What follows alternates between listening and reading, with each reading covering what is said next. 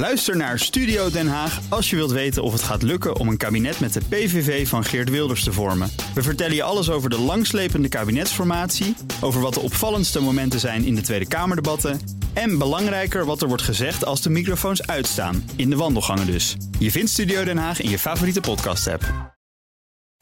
Tech Update. Jo van Bas van Werven en Ivan Frips. Morgen. YouTube en TikTok moeten aangeven hoe ze kinderen beter willen beschermen. Ja, dat zijn immers de twee videoplatforms waar juist bij uitstek ook de jeugd op zit. Instagram zou je er ook bij kunnen schaden, maar TikTok en YouTube, daar draait het louter om video's.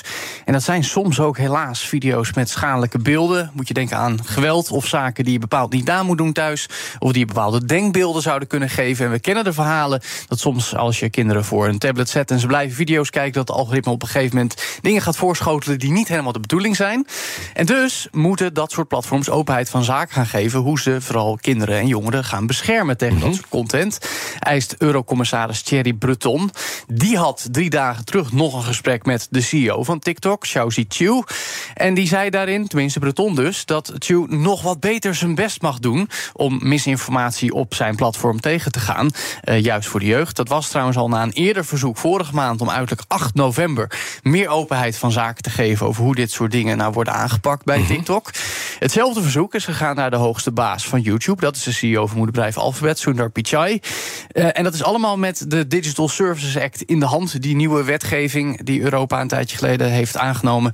Die veel strengere eisen stelt naar moderatie, maar ook meer transparantie eist. Als het gaat om algoritmes, processen en gepersonaliseerde advertenties. De afgelopen tijd ook weer een heet hangijzer. Want het is eigenlijk die combinatie van factoren, Bas, die ervoor zorgt dat mensen en dus ook kinderen opeens zo'n schadelijke video voorgeschoteld kunnen krijgen.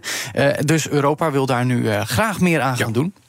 En dan, uh, uh, we gaan naar het moederbedrijf achter de GTA-games. Die piekt op de beurs. Ja, het was een maffe dag over, Het was een ja. hele maffe dag, Bas. Want collega Stijn vertelde in de vroege update al... nou, er komt een officiële aankondiging van Grand Theft Auto 6 aan... volgens de geruchten van Bloomberg. Uh, Grand Theft Auto is een cultureel fenomeen... want deel 5 is 180 miljoen keer verkocht. Meest lucratieve entertainmentproduct ooit gemaakt. Zelfs ik heb het gespeeld. Nou, dat dat bedoel ik. wat. Dat zegt echt wat. Ja. Zelfs ik heb het gespeeld. Zelfs Bas heeft het gespeeld. Eén Nou, keer en toen dacht ik, wat is dit voor een totale gewelddadige nonsens. We hebben het er nog over als 6 eenmaal komt. Dat duurt nog wel even, maar elk geval gistermiddag bevestigden de makers. Begin Mhm. december komt de trailer van GTA 6. Oh. En dan krijg ik opeens allerlei berichtjes van mensen die ik helemaal niet kende als gamers, die helemaal enthousiast worden. Dus dat is voor mij ook een beetje maf. Maar in ieder geval, dan vraag je je af waarom komen ze opeens met zo'n aankondiging bij maken Rockstar, moederbedrijf Take-Two. Nou, Take-Two had gisteravond kwartaalcijfers. En die waren niet zo heel erg goed. Rond de 1,3 miljard dollar omzet in de boeken, terwijl toch uh, bijna uh, 1,5 miljard verwacht werd. Niet heel gek, want de bestaande games zijn vrij oud. GTA 5 bestaat namelijk precies 10 jaar dit najaar. Dat is echt heel oud in game-termen. Terwijl andere gamebedrijven zoals Electronic Arts elk jaar met nieuwe populaire spelletjes komen die veel meer geld genereren. Toch zijn de aandeelhouders blij, want ja, GTA 6 komt eraan in het nieuwe jaar. En dus ging de koers van Take-Two doodleuk 5,2% omhoog. Terwijl ze net hadden verteld dat er eigenlijk niet zoveel geld verdiend wordt als verwacht.